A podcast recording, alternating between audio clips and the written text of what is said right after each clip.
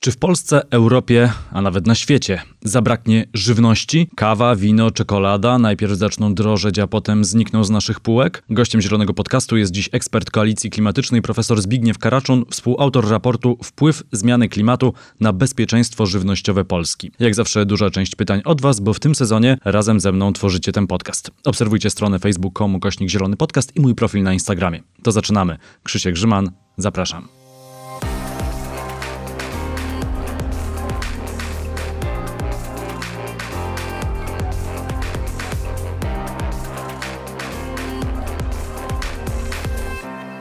Profesor Zbigniew Karaczun, ekspert koalicji klimatycznej i wykładowca Warszawskiej Szkoły Głównej Gospodarstwa Wiejskiego jest gościem Zielonego Podcastu. Dzień dobry.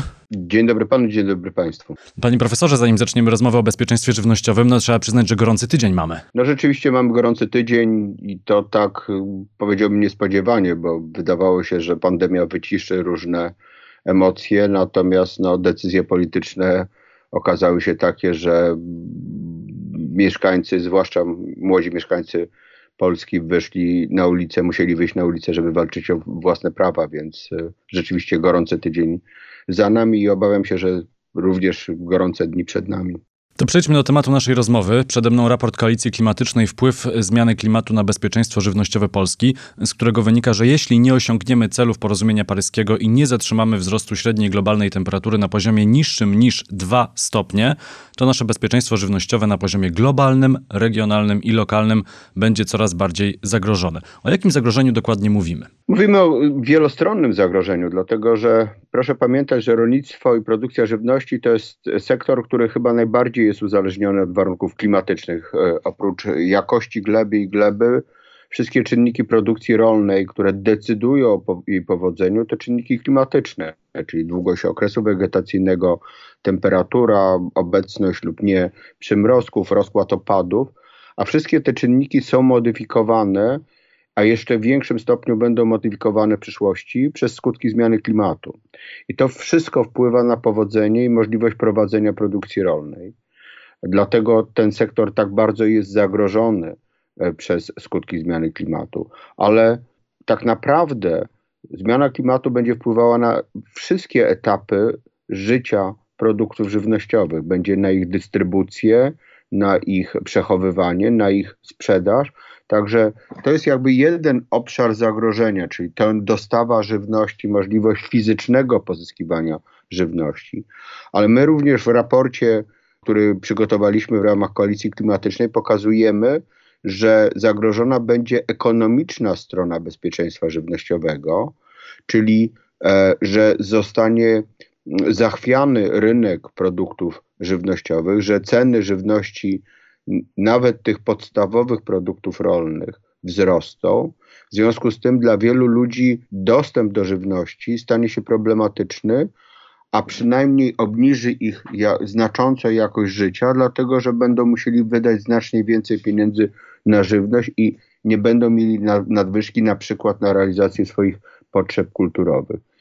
I trzeci obszar, o którym te, także e, piszemy, to obszar niedostępności pewnych produktów. Zmiana klimatu spowoduje, że e, produkcja niektórych e, może nie tych podstawowych produktów żywnościowych, ale tych, do których jesteśmy przyzwyczajeni, jak kawa, herbata, kakao, y, może zostać ograniczona w takim stopniu, że po prostu staną się one niedostępne, że podaż będzie znacznie mniejsza od popytu. Ale gdyby pan profesor miał nakreślić e, taki globalny obraz, to żywności e, za te 20-30 lat będzie globalnie mniej, czyli produkcja na przykład się przesunie z biednego południa do bogatej północy, przez to ci, którzy żyją w krajach biedniejszych, w krajach trzeciego świata, w krajach, w których dochód jest zdecydowanie niższy od średniej, będą mieli problemy z dostępem do żywności, a z kolei w krajach bogatszych, no też ta żywność będzie droższa i osoby uboższe też będą miały te problemy z dostępem. Proszę pamiętać, że e, tak naprawdę bogata północ to obszar niespecjalnie wielki w porównaniu z krajami o wyższych temperaturach, krajami tropikalnymi. To obszar tak naprawdę stosunku, stosunkowo niewielki, często górzysty, często w, w, charakteryzujący się takimi warunkami, że wprowadzenie tam produkcji rolnej może być trudne lub nieopłacalne. Co więcej, koszty tak naprawdę produkcji żywności w krajach bogatej północnej będą znacząco wyższe e, od kosztów produkcji w krajach e, dzisiaj rozwijających się, w których dzisiaj jest ta, dominuje produkcja rolna, co spowoduje dodatkowy wpływ na, na, na tą nierówność, zarówno pogłębienie nierówności społecznych, ale również na e, wzrost ceny produktów żywnościowych. Czy nam będzie brakowało żywności? Niewykluczone. Znaczy, ja myśmy akurat takich analiz nie prowadzili w tym raporcie i e, w nim nie ma takiej analizy, ale można się spodziewać, że te skumulowane skutki zmiany klimatu będą tak negatywnie wpływać na wiele produktów rolnych i e, na wiele upraw rolnych i hodowlę zwierząt, że tej żywności może nie być tyle, żeby wyżywić, żeby wystarczyć dla wszystkich mieszkańców, o ile nie podejmiemy działań zapobiegawczych.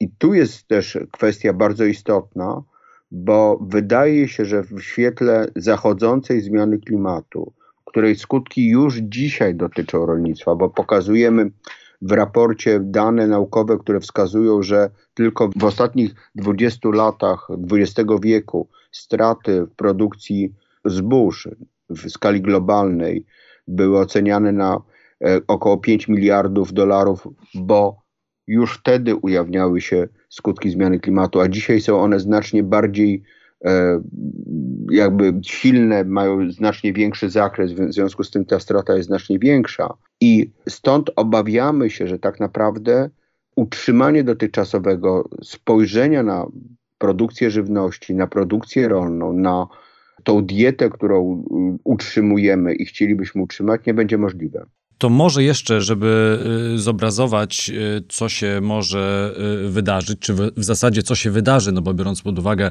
jak opornie i powoli idzie nam walka ze zmianami klimatu, to wydaje się, że ten scenariusz jednak będzie ziszczał. Zobaczymy tylko w jakiej skali. To taki wyimek z raportu, z jego podsumowania. Wiele produktów, na przykład kawa, zwłaszcza odmiana arabika, kakao czy herbata stanie się fizycznie niedostępnych, bowiem ich produkcja znacznie znacząco spadnie. No i tu ktoś mógłby powiedzieć, no problemy pierwszego świata. No, nie będzie można się napić kawy, arabiki, zawsze będzie robusta. No, z drugiej strony pomyślmy też o krajach, które tą produkcją stoją i dla których eksport tej kawy, e, kakao czy herbaty to jest znacząca e, część e, eksportu produktów rolnych. Dokładnie tak. To znaczy my także to pokazujemy w raporcie, że na przykład na Sri Lance około 15% PKB i około 20% E, zatrudnienia związane jest z produkcją herbaty. Zarówno kawa, kakao, herbata produkowana jest w dużym stopniu przez małych producentów rolnych. I w momencie, kiedy e, te warunki dla tej produkcji zostaną zachwiane, ci ludzie po prostu zbankrutują. Oczywiście czasami mówi się, że można będzie przenieść produkcję e, w nieco na przykład wyżej, tak, gdzie te warunki klimatyczne będą jeszcze E, jeszcze dostosowane, czy jeszcze umożliwią produkcję tych, e, tych upraw, ale z jednej strony dla młodych, małych producentów e, zakup nowych terenów, nowej ziemi no może nie być możliwa, a z drugiej strony nie zapominajmy o tym, że to są tereny tropikalne, gdzie część obszaru je, musi zostać zachowana jako las tropikalny.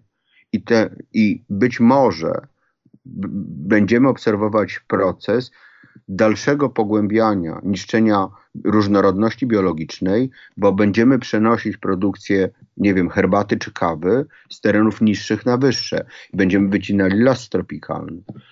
Ale my też w raporcie, ponieważ e, ja jestem miłośnikiem wina, to także pokazujemy coś, co także możemy powiedzieć, że jest małym problemem, problemem pierwszego świata, problemem ludzi bogatych, ale bo poka pokazujemy, jak bardzo zagrożona jest produkcja winiarska w skali świata.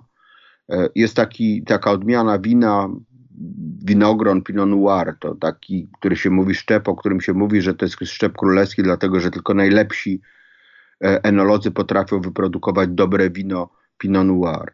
Ale to jest winogrono, które ma zakres tolerancji dla zmiany klimatu 2 stopnie Celsjusza.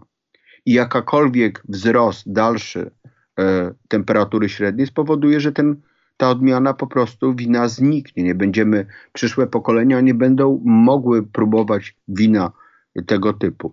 Dlatego, że w przypadku akurat u, u, uprawy winorośli na wino niezwykle ważny jest terier, czyli miejsce, gdzie ta uprawa jest robiona.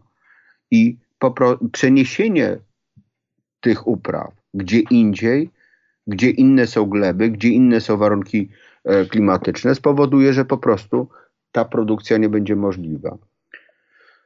Ale też chcę dodać jedną rzecz, bo rzeczywiście mówimy tutaj o tych takich używkach, tak, tych dodatkach do diety, które są ważne i które pokazują, czy e, decydują o jakości naszego życia. Ale my pokazujemy również, że spadnie produkcja podstawowych produktów żywnościowych i upraw rolnych, czyli zbóż, czyli e, upraw na przykład e, fasoli czy upraw e, strączkowych, które w Afryce są niezwykle istotnym źródłem wyżywienia bardzo dużej części populacji, spadnie produkcja, czy zostanie ograniczona efektywność produkcji mięsa, czy produkcji zwierzęcej co już będzie miało bezpośrednie przełożenie na bezpieczeństwo żywnościowe. A pomówmy jeszcze e, o tym, co może czekać e, polskich rolników, na przykład polskich sadowników. Wiemy, ile jabłek, ile soku jabłkowego e, eksportuje się z Polski i co się z tym stanie? No, stabilność produkcji rolnej znacząco się obniży, co spowoduje tak naprawdę, że stabilność dochodów rolniczych także się obniży. My w raporcie pokazujemy, to na podstawie badań wykonanych przez specjalistów z Instytutu e, e, Ekonomiki, Gospodarki Żywnościowej i Rolnictwa w Warszawie. To jest instytut należący do struktur Ministerstwa Rolnictwa i tam przeprowadzono badania, jak bardzo susza wpływa na dochody rolnicze.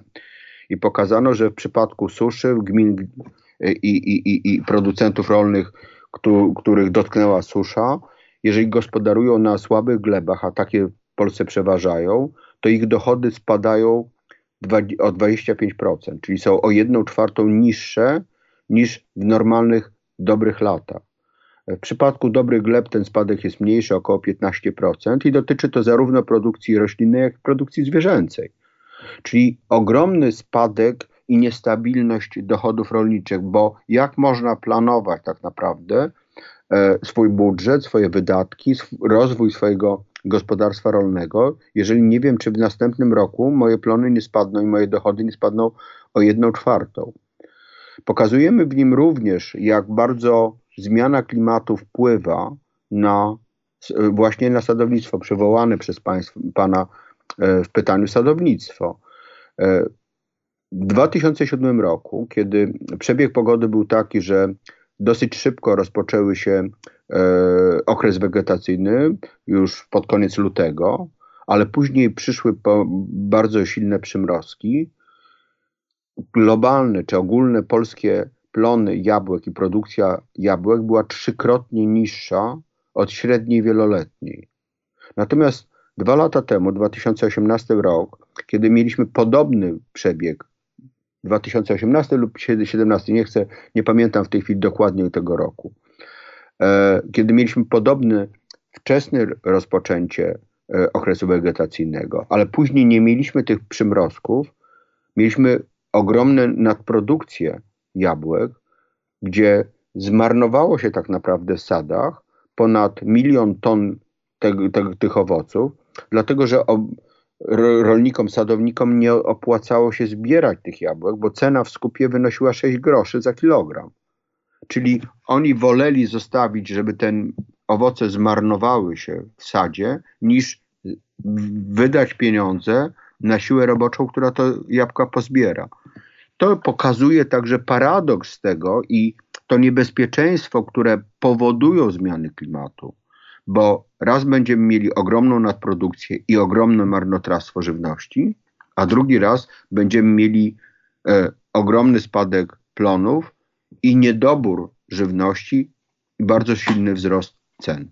To skoro mamy już e, nakreślony pewien scenariusz, to pytanie teraz, co możemy zrobić, e, żeby załagodzić te zmiany? No jak rozumiem, e, neutralność klimatyczna 2050 to nie wystarczy. To nie wystarczy, chociaż tak naprawdę ja powiem tym, i, i, i to przywołujemy, czy taką tezę stawiamy w raporcie, że podstawowym punktem wyjścia dla zapewnienia bezpieczeństwa żywnościowego w skali zarówno globalnej, jak i krajowej jest zapewnienie efektywnych i aktywnych działań na rzecz ochrony klimatu i doprowadzenie do neutralności klimatycznej przed połową tego wieku.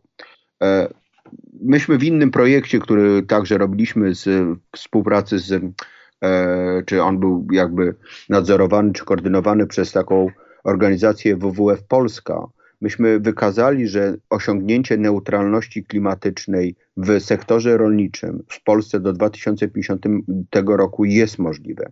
Więc to są działania, które są konieczne, dlatego że to złagodzi tak naprawdę tą siłę negatywnego oddziaływania zmiany czynników e, produkcji rolnej, czyli tych czynników klimatycznych, na efektywność i pewność tej produkcji. I to jest pierwsze, pierwsze zadanie nadrzędne i to powinno być robione nie tylko w rolnictwie, ale we wszystkich sektorach, w energetyce, w transporcie, w budownictwie, wszędzie, gdzie tylko możemy. Obniżyć emisję gazów cieplarnianych. Ale jednocześnie pokazujemy w raporcie, że niezwykle ważne jest podejmowanie już dzisiaj działań adaptujących rolnictwo do już następujących i występujących skutków zmiany klimatu i tych, które są w najbliższych latach prognozowane. A więc przede wszystkim musimy adoptować polskie rolnictwo do e, ryzyka niedoboru wody, czyli ryzyka wystąpienia suszy, a w zasadzie pewności wystąpienia suszy, dlatego że w ciągu ostatnich 20 czy 15 lat mamy co roku mamy permanentne susze letnie i w wielu regionach kraju co roku występuje susza. Musimy zacząć się zastanawiać, jak zmienić strukturę upraw w Polsce, jakie uprawy, z jakich upraw rezygnować, na przykład z ziemniaków, a jakie uprawy nowe wprowadzać do Polski. I to jest też długi proces, dlatego że on dotknie nie samych rolników, ale on dotknie również cały sektor przetwórstwa spożywczego, bo e, firmy, które produkują żywność, będą musiały się przestawić z dotychczasowych surowców rolnych na nowe, które będą przetwarzać. My musimy również, niezwykle istotną kwestią jest wzmocnić taki system instytucjonalny wokół rolnictwa, dlatego że dzisiaj doradztwo rolnicze jest bardzo słabe, bardzo niedoinwestowane. Co więcej, e, doradcy nie mają wystarczającej wiedzy w zakresie zmiany klimatów i skutków tej zmiany, które będą wpływały na, na rolnictwo. My musimy wspierać e, służby, które zajmują się ochroną plonów, ochroną roślin, ale również służby weterynaryjne, bo w Polsce pojawiają się nowe szkodniki upraw, nowe choroby upraw, pojawiają się nowe choroby zwierzęce. I tutaj system musi być do tego przygotowany. No i ostatnia rzecz, która wydaje mi się niezwykle istotna, my musimy zacząć uczyć tak naprawdę o tym, że zmiana klimatu następuje, czym ona jest, jakie będzie miała skutki i jak temu przeciwdziałać. Bo do tej pory ani w szkole podstawowej, ani w szkole średniej, ani w technikach rolniczych edukacji klimatycznej nie ma. I efekty są takie, że Ministerstwo e, Edukacji, które w e, maju tego roku przygotowało film, który miał o tym edu edukować, pokazywało tak naprawdę, jak fantastycznie będzie globalnie, jeżeli zmiany klimatu nastąpią. Wyprodukowali za publiczne pieniądze jakąś kompletną bzdurę. My musimy uczyć młodych ludzi, jak mają sobie poradzić, e, również prowadząc gospodarstwa rolne, które przejmą od swoich rodziców, z tymi skutkami negatywnymi zmiany klimatu, które na pewno w Polsce wystąpią. A czy obecnie prowadzona przez Unię Europejską wspólna polityka rolna i jednocześnie system doradztwa rolniczego w Polsce, one stymulują polskie rolnictwo do zmiany, czy to jeszcze jest przed nami? To jest przed nami e, i ja jestem przekonany, że to jest przed nami. E, mówi się o tym, czy tak naprawdę Komisja Europejska zapowiedziała, mam nadzieję, że to zostanie utrzymane, że w nowej perspektywie finansowej 40% środków e, wspólnej polityki rolnej, czyli wydatkowanej w ramach wspólnej polityki rolnej, zostanie przeznaczona na działania e, proklimatyczne, czyli działania, które będą wspierały redukcję emisji gazów cieplarnianych sektora rolniczego, które będą na przykład wzmacniały ten sektor, aby e, trwale e, pochłaniał i czy efektywnie pochłaniał i trwale magazynował węgiel. Bo proszę pamiętać, że gleba to jest drugi co do wielkości magazyn węgla i w glebie możemy zmagazynować, czyli wyjąć z atmosfery nadwyżkę węgla i magazynować ją w glebie i na adaptację, na działania w zakresie adaptacji do skutków zmian klimatu. I myślę, że to jest pewna szansa na transformację zarówno polskiego, jak i europejskiego e, rolnictwa. Natomiast niestety to wymaga pewnej mądrości od polityków. E, patrząc na to, co się dzieje w Polsce obecnie i patrząc na to, e, jak e, nieefektywnie były wydawane pieniądze E, na rolnictwo w ostatnich latach. Myślę, że bez naszej, e, naszego udziału, naszego udziału jako społeczeństwa, jako obywateli, które będą patrzyli, którzy będą patrzyli władzy na ręce i będą wymagali od władzy, aby te działania proklimatyczne były prowadzone również w sektorze e, rolniczym, może się to nie udać. To przejdźmy do pytań od y, słuchaczy, bo kilka się ich zebrało i wydaje mi się, że sprowadzą też naszą rozmowę na e, ciekawe tory. Tomasz pyta, jak bardzo koniecznym i pilnym e, jest porzucenie przemysłowej produkcji mięsa w kontekście bezpieczeństwa żywnościowego i zachowania bioróżnorodności kraju? To jest bardzo, bardzo ważny sektor, dlatego że znaczy to troszkę jakby wykracza poza samą produkcję rolną, dlatego że E, to jest kwestia tak naprawdę wyborów konsumenckich i wyboru diety, bo e, tak naprawdę proszę pamiętać o tym, że co rolnicy i co rolnictwo produkuje, to zależy w dużym stopniu od potrzeb rynku i od popytu na rynku. E, natomiast rzeczywiście produkcja mięsa jest znacząco bardziej negatywna dla klimatu niż produkcja roślinna. No, żeby podać przykład, najbardziej, e, czy największy ślad klimatyczny, ten, tą, tą, tą wielkość emisji w stosunku do ilości wyprodukowanej żywności ma produkcja e, wołowiny i przetworów e, mlecznych, dlatego że krowy jako przeżuwacze, czy wszystkie zwierzęta hodowlane, przeżuwacze, prócz tej emisji z wyniku samej produkcji, mają naturalną emisję metanu metaboliczną. W procesie metabolizmu żołądkowego powstaje metan, który jest wydalany do powietrza.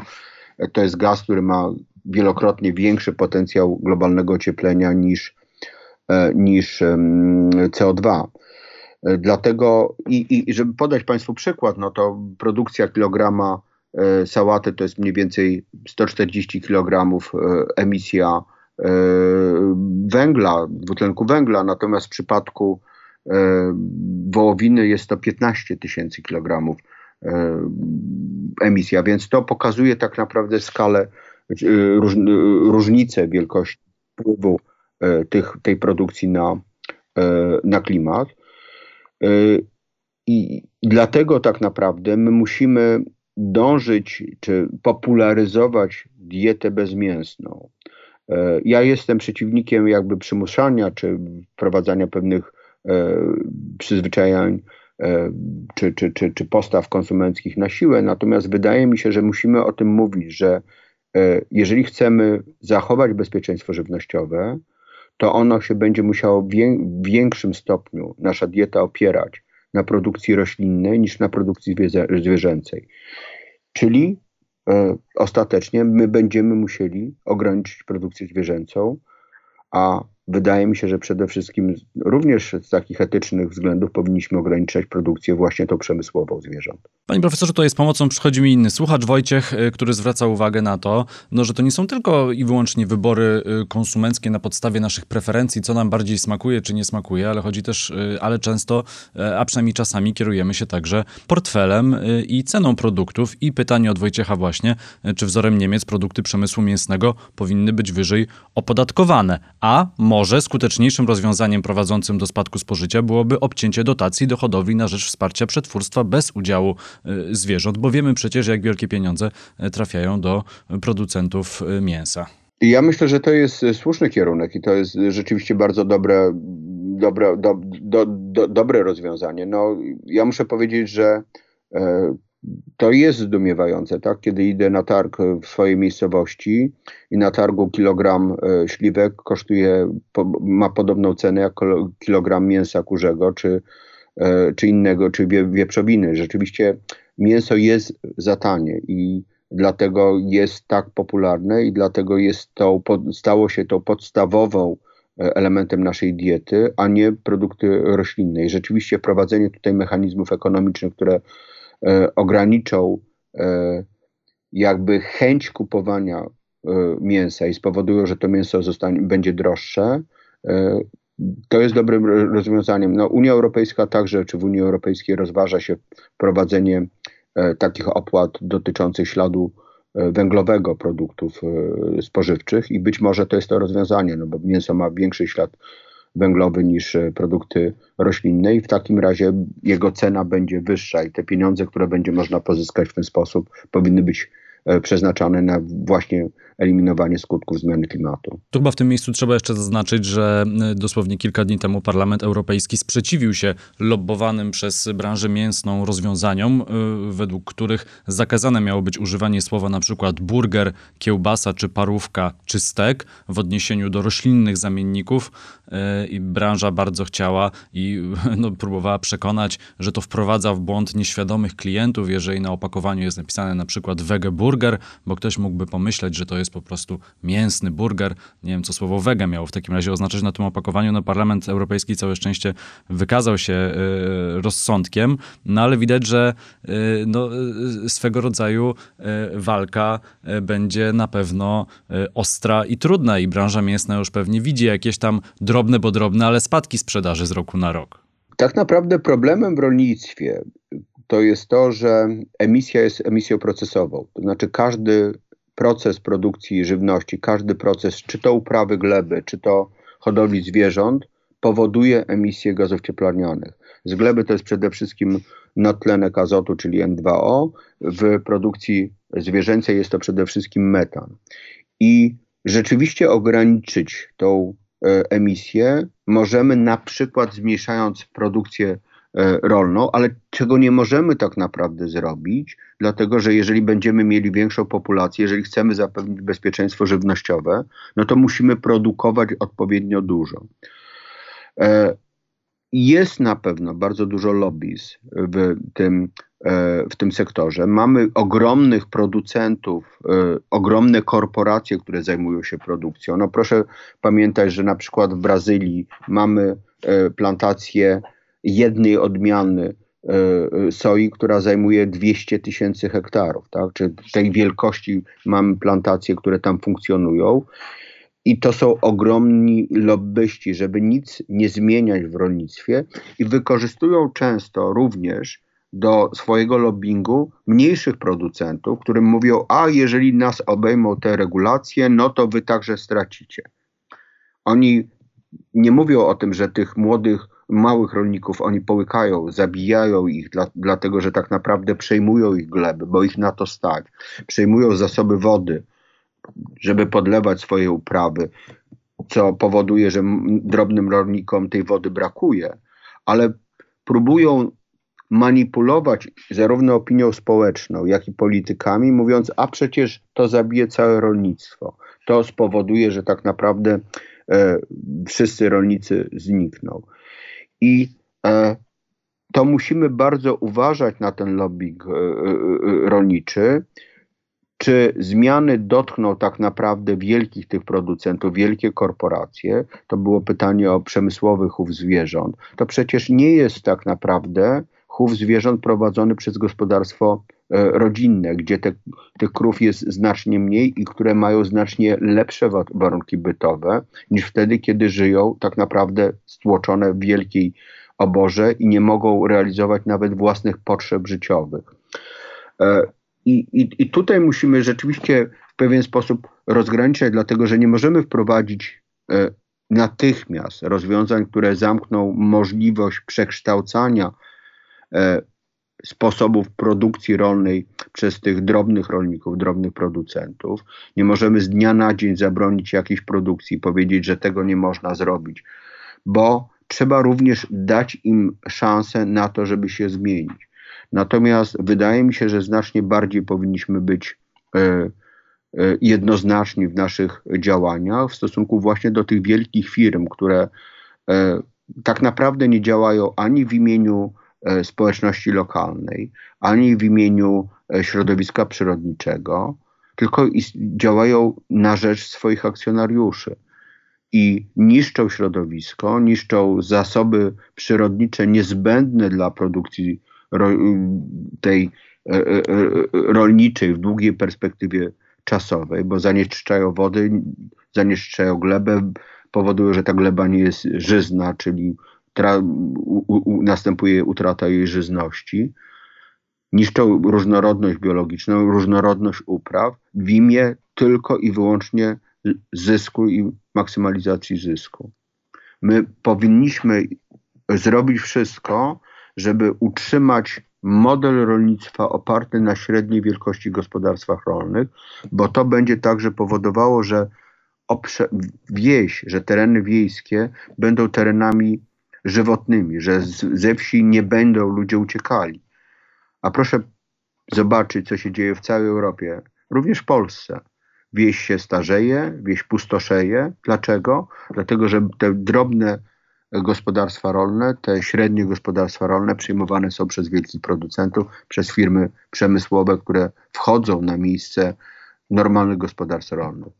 Tu jeszcze warto dodać e, w kontekście tego, że mm, to wszystko musi być procesem i to musi być zaplanowane na lata. E, warto wspomnieć o piątce dla zwierząt, projekcie mm, skądinąd dobrym, ale jednak potraktowanym bardzo instrumentalnie do aktualnej e, walki politycznej, gdzie próbowano przeforsować wprowadzenie przepisów de facto z dnia na dzień, co oczywiście spotkało się z bardzo twardą reakcją rolników nie ma się temu co dziwić i nawet organizacje ekologiczne, organizacje prozwierzęce mówiły, że potrzebny jest jakiś okres przejściowy, który pewnie, o ile ta ustawa w ogóle z Sejmu e, wyjdzie i trafi na biurko prezydenta, e, to w tej ustawie ten okres przejściowy się znajdzie. No ale przejdźmy do kolejnego e, pytania. Jeszcze raz Wojciech pyta, na ile zasadne jest faworyzowanie pod względem cła i podatków importu żywności, nawet tych samych produktów, co są dostępne w Europie. Przecież im dłuższa podróż towarów, tym większe emisje spalin do atmosfery, a z drugiej strony prowadzi to do zaniku lokalnego rolnictwa. Czy jest jakieś wyjście? Znaczy, y, y, ja bym powiedział tak, że to w tej chwili tak naprawdę to europejskie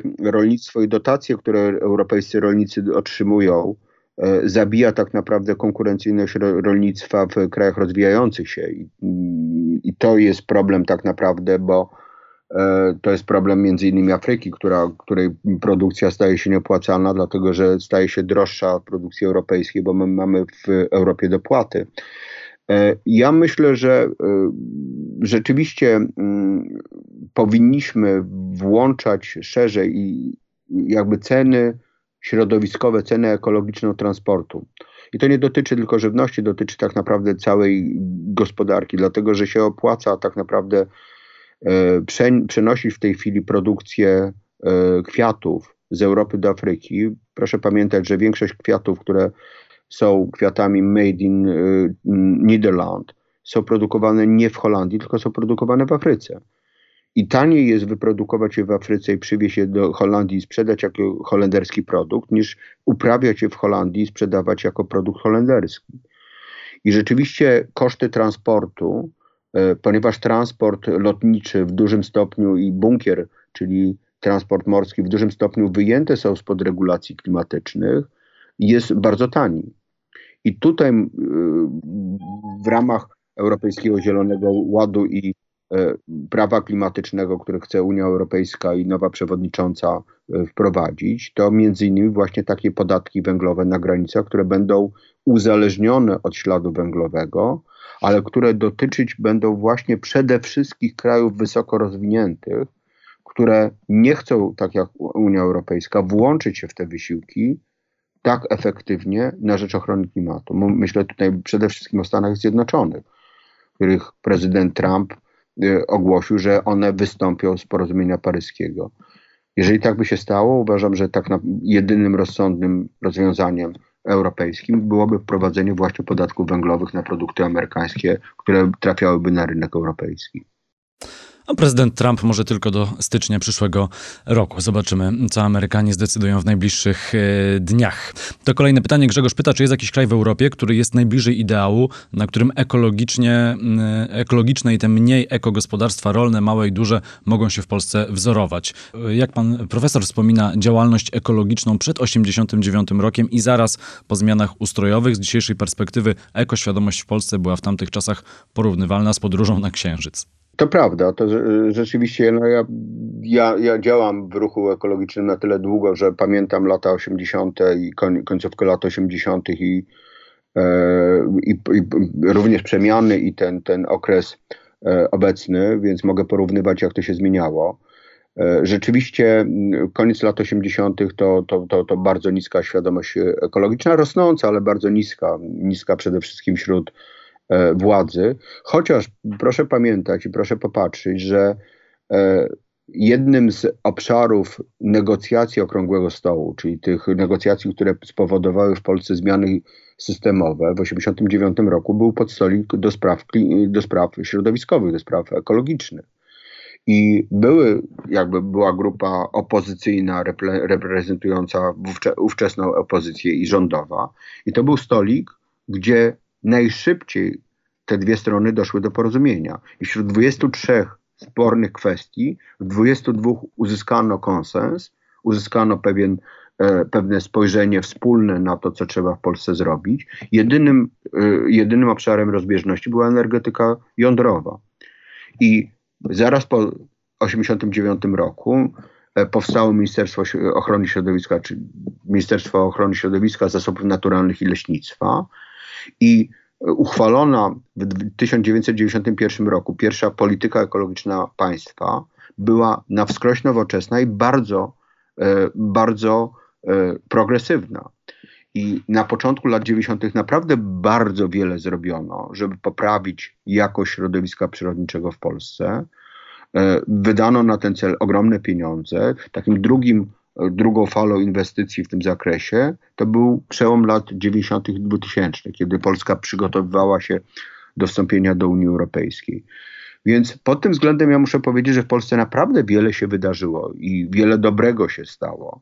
I dzisiejsza świadomość Polaków w zakresie zagrożenia katastrofą klimatyczną i katastrofą e, ekologiczną nie odbiega od e, świadomości e, mieszkańców krajów wysoko rozwiniętych. Problem jest tak naprawdę świadomości e, rządzących i gotowości rządzących do przyjęcia zobowiązań i przyjęcia odpowiedzialności za przyszłość.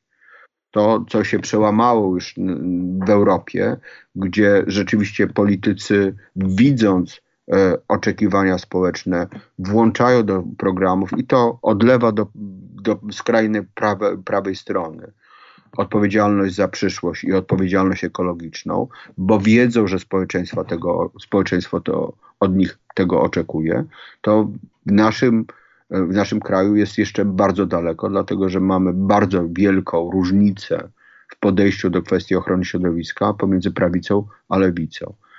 E, wydaje mi się, że tak naprawdę w Polsce nastąpił pewien, pewien przełom także świadomości i zwłaszcza młodzi ludzie, co, z czego się bardzo cieszę, zorientowali się, że e, to jest sprawa ich przyszłości, że jeżeli sami nie zadbają, sami nie wymuszą na polityków, na politykach zmiany dotychczasowych trendów postępowania i większej troski o środowisko, to nikt się tym nie zajmie.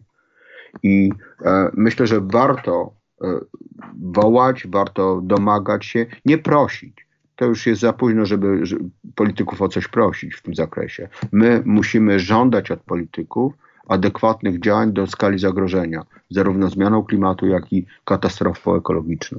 To jeszcze ostatnie pytanie. Emil ma w zasadzie bardziej e, pomysł niż pytanie.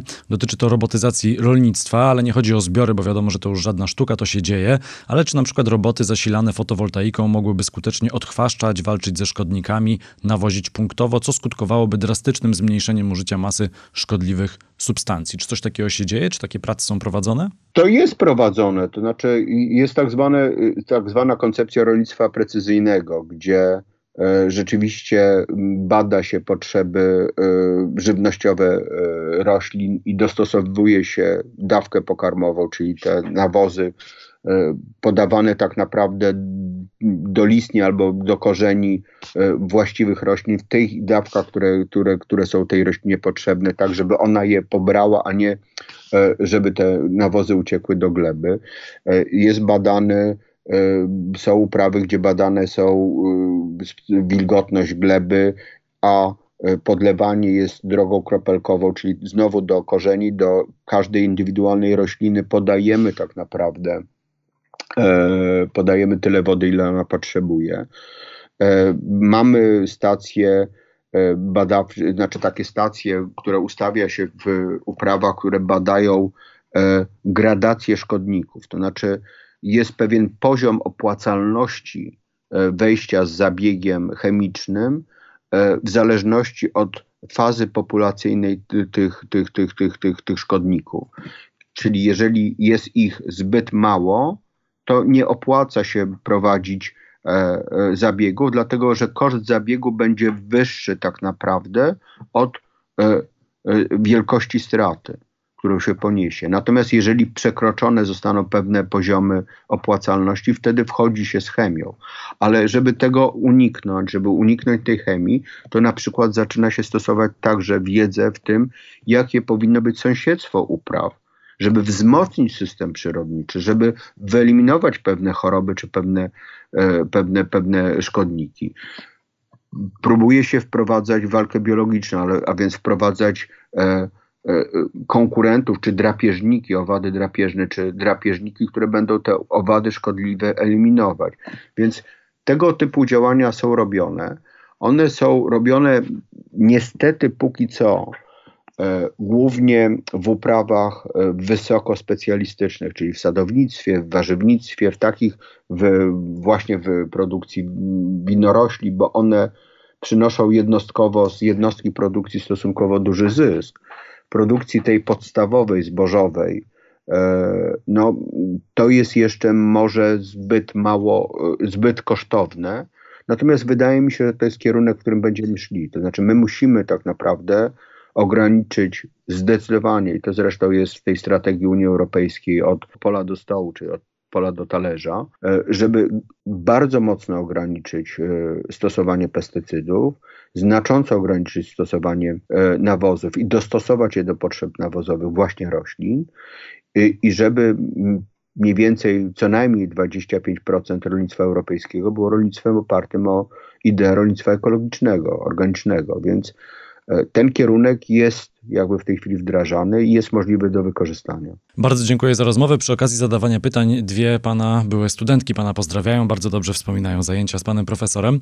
E, bardzo I, dziękuję. I jeszcze może kończąc i patrząc na te protesty, które przelewają się przez ulice polskich miast przez ostatnie dni, sam w nich uczestniczę od samego początku, czyli od czwartku zeszłego e, tygodnia, gdy porwał mnie tłum idący spod Trybunału Konstytucyjnego pod siedzibę Prawa i Sprawiedliwości i patrząc na to, ilu młodych ludzi się angażuje w te protesty, to być może frekwencja na strajkach klimatycznych w przyszłym roku, no bo w tym już pewnie strajków klimatycznych nie będzie, biorąc pod uwagę sytuację pandemiczną w Polsce, ale być może i ta frekwencja, i, i hasła, i chęć do walki ze zmianami klimatu też wzrośnie w przyszłym roku. Ja mam nadzieję, znaczy ja mam nadzieję, że to następuje takie przebudzenie właśnie młodego pokolenia, bo jeszcze rok, czy dwa, czy trzy, pięć lat temu wielu publicystów w Polsce narzekało, że młodzi ludzie tak naprawdę nie widzą zagrożeń, jakie niesie za sobą ta próba utworzenia autorytarnej władzy i zniszczenia systemu sądowniczego w Polsce. Ja mam nadzieję, że to, co się dzisiaj dzieje, jest właśnie takim wołaniem młodych ludzi o to, żeby e, świat był bardziej bezpieczny dla nich, dlatego że oni są pierwszym prawdopodobnie pokoleniem, które będzie miało, nie będzie miało lepiej od swoich rodziców. Znaczy, którym my, ja już mogę to powiedzieć, bo jest, mam swoje lata, że w którym moje pokolenie zostawi tym młodym ludziom znacznie gorszy świat niż ja dostałem od swoich rodziców. W związku z tym tak naprawdę musimy walczyć. Musimy walczyć zarówno o swoje prawa, tak jak dzisiaj walczą młodzi ludzie, młode kobiety, czy w ogóle kobiety na, na ulicach y, polskich miast. Musimy walczyć również o bezpieczeństwo i przetrwanie tego świata z punktu widzenia bezpieczeństwa ekologicznego i klimatycznego. Natomiast odnosząc się do tego, co e, się dzieje, to proszę pana i proszę tak naprawdę wszystkich, bo ja także w tych strajkach uczestniczę, czy w tych działaniach, czy w tych spacerach, przepraszam, bo to nie jest strajk, ja chodzę na spacery w tym też uczestniczę. Natomiast e, trzymajcie Państwo dystans społeczny, uważajcie na siebie, bo e, żyjemy jednak w czasie pandemii i ta pandemia nie odpuszcza, a nie zrobiono w Polsce nic przez ostatnie pół roku, żeby wzmocnić system e, ochrony zdrowia i naprawdę on się chwieje w tej chwili w posadach i, i nie dopuśćmy do tragedii, którą byłoby właśnie to, co, co, co taki scenariusz, który, który był na wiosnę we Włoszech czy w Hiszpanii a to nam niestety grozi. Więc trzymajmy dystans, nośmy maseczki i chodźmy na spacery, ale właśnie w tym dystansie społecznym. Profesor Zbigniew Karaczun, ekspert koalicji klimatycznej i wykładowca Warszawskiej Szkoły Głównej Gospodarstwa Wiejskiego, współautor raportu Wpływ zmiany klimatu na bezpieczeństwo żywnościowe Polski, był gościem Zielonego Podcastu. Bardzo dziękuję za rozmowę. Dziękuję panu, dziękuję państwu. Do widzenia. To był Zielony Podcast. Kolejny odcinek w niedzielę. W wolnym czasie zajrzyjcie na stronę facebook.com kośnik Zielony Podcast i mój profil na Instagramie. Tam okazja do zadania pytań kolejnemu gościowi albo gościni. Krzysiek Grzyman, do usłyszenia.